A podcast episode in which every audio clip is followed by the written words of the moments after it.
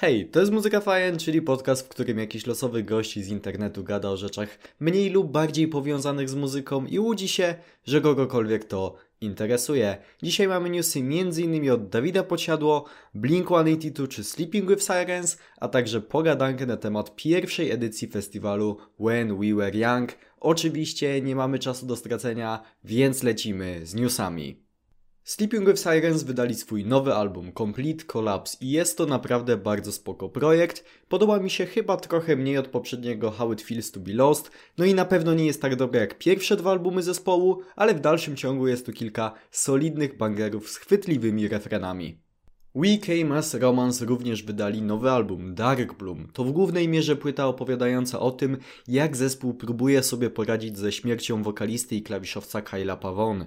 I po pierwsze to jest bardzo solidny metalcore i hard rock, a po drugie ten album emocjonalnie uderza naprawdę mocno. Zwłaszcza te momenty, które bezpośrednio odnoszą się do zmarłego kolegi zespołu.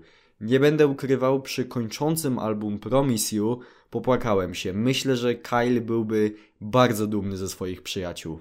W ostatnim podcaście mówiłem o powrocie Blink-182, wtedy wiedzieliśmy, że zbliża się ich nowy singiel i teraz mogę już podzielić się wrażeniami. To naprawdę dobry pop-punkowy kawałek, nawet jeśli to nic szczególnego, to niesamowicie dobrze jest znowu po tylu latach usłyszeć na jednym kawałku głosy Marka Hopusa i Toma DeLong. Pozostając jeszcze na chwilę w pop-punkowych klimatach, Knucklepack ogłosili podpisanie kontraktu z Pure Noise Records i podzielili się nowym singlem Groundhog Day.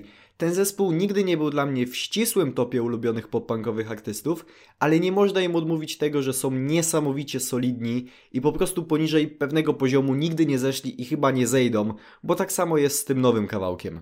Arctic Monkeys wydali długo wyczekiwany nowy album zatytułowany The Car.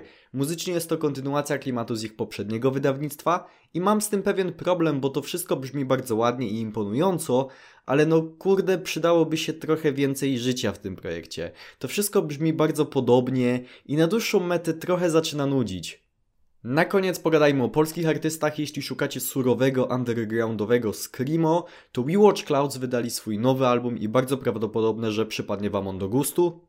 Oprócz tego Dawid Podsiadło po ponad 4 latach wydał swój nowy album Lata 20 i muszę przyznać, że naprawdę pozytywnie się zaskoczyłem. Oba single kompletnie mnie nie ruszyły, ale okazuje się, że reszta albumu jest przez większość czasu naprawdę bardzo dobra. Są kawałki do potańczenia, są i do popłakania, czyli generalnie u Dawida po staremu. Myślę, że możemy być naprawdę zadowoleni, że największa obecnie gwiazda muzyki popularnej w kraju trzyma tak wysoki poziom. I to tyle z newsów na dzisiaj, teraz pora na pogadankę. Za nami pierwsza w historii edycja festiwalu When We Were Young. Jeśli ktoś nie jest zaznajomiony z tematem, to szybko wytłumaczę mniej więcej o co chodzi. Jest to gigantyczny festiwal muzyki emo alternatywnej. Niemalże każdy znaczący zespół ostatnich 20 lat w gatunkach takich jak pop-punk czy metalcore był obecny na tym festiwalu. Festiwal zaplanowany był na 22, 23 oraz 29 października tego roku, jednakże co ważne, to nie jest tak, że część zespołów gra jednego dnia, a część drugiego. Wszystkie zespoły grają we wszystkie trzy dni. Co od razu zrodziło wiele pytań natury logistycznej, w jaki sposób około 60 artystów ma zostać zmieszczonych w trakcie jednego dnia. Okazało się, że jest to możliwe, ale do tego przejdziemy jeszcze za moment, ponieważ skupmy się na razie na samym starcie festiwalu, który niestety nie był udany ponieważ pierwszy dzień When We Were Young został całkowicie odwołany ze względu na warunki pogodowe. Las Vegas ma to do siebie, że dość często występują tam mocne podmuchy wiatru i tym razem były po prostu zbyt mocne, żeby dało się bezpiecznie przeprowadzić festiwal.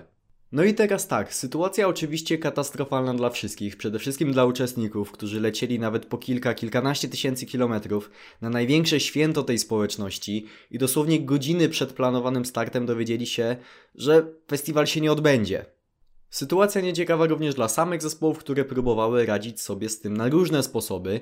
Jedni organizowali spotkania z fanami, inni organizowali się między sobą i w pobliskich klubach grali koncerty, które choć trochę mogły zrekompensować zaistniałą sytuację.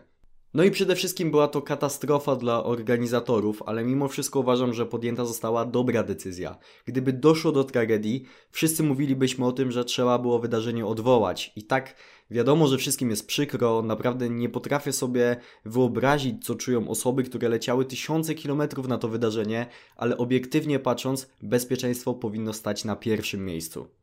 Po druzgocącym pierwszym dniu przyszedł jednak dzień drugi, który odbył się już zgodnie z planem i był ogromnym sukcesem. To naprawdę niesamowite, jak wiele to wydarzenie znaczy dla wszystkich fanów tego typu muzyki i sam oglądając różne nagrania z koncertów mam po prostu jeden wielki uśmiech na twarzy. Działo się wiele. Pierce the Veil zagrało pierwszy raz od wielu lat swój największy hit King for a Day razem z Kellinem Queenem.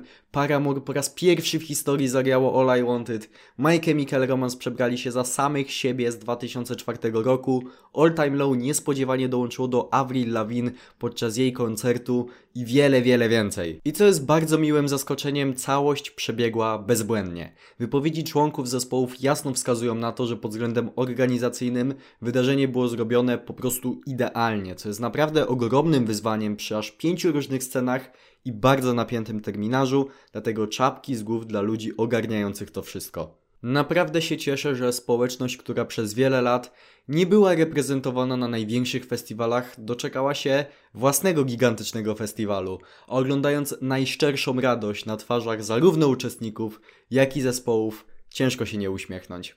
I to by było na tyle, jeśli chodzi o dzisiejszy epizod Muzyka FM Podcast. Jeśli słuchasz tego podcastu na Spotify, zostaw po sobie ocenę, najlepiej pięciogwiazdkową, będzie mi bardzo miło. Oprócz tego możesz też kliknąć w dzwoneczek. Spotify w przeciwieństwie do YouTube akurat zawsze wysyła powiadomienia o nowych epizodach, więc jeśli nowy epizod się pojawi, to na pewno Cię on nie ominie. Przypominam też, że w opisie tego podcastu znajdują się linki do mojego Discorda, YouTube'a, TikToka, Twitcha itd., tak itd. Tak Jeśli macie jakiś pomysł na odcinek, albo macie po prostu jakieś pytanie do mnie, na które chcielibyście, żebym odpowiedział, czy to prywatnie, czy to na podcaście, możecie do mnie napisać na muzykafajenmałpa.gmail.com A tymczasem ja już nie przedłużam, życzę Wam miłego dnia bądź wieczoru i do usłyszenia w następnym epizodzie. Hej!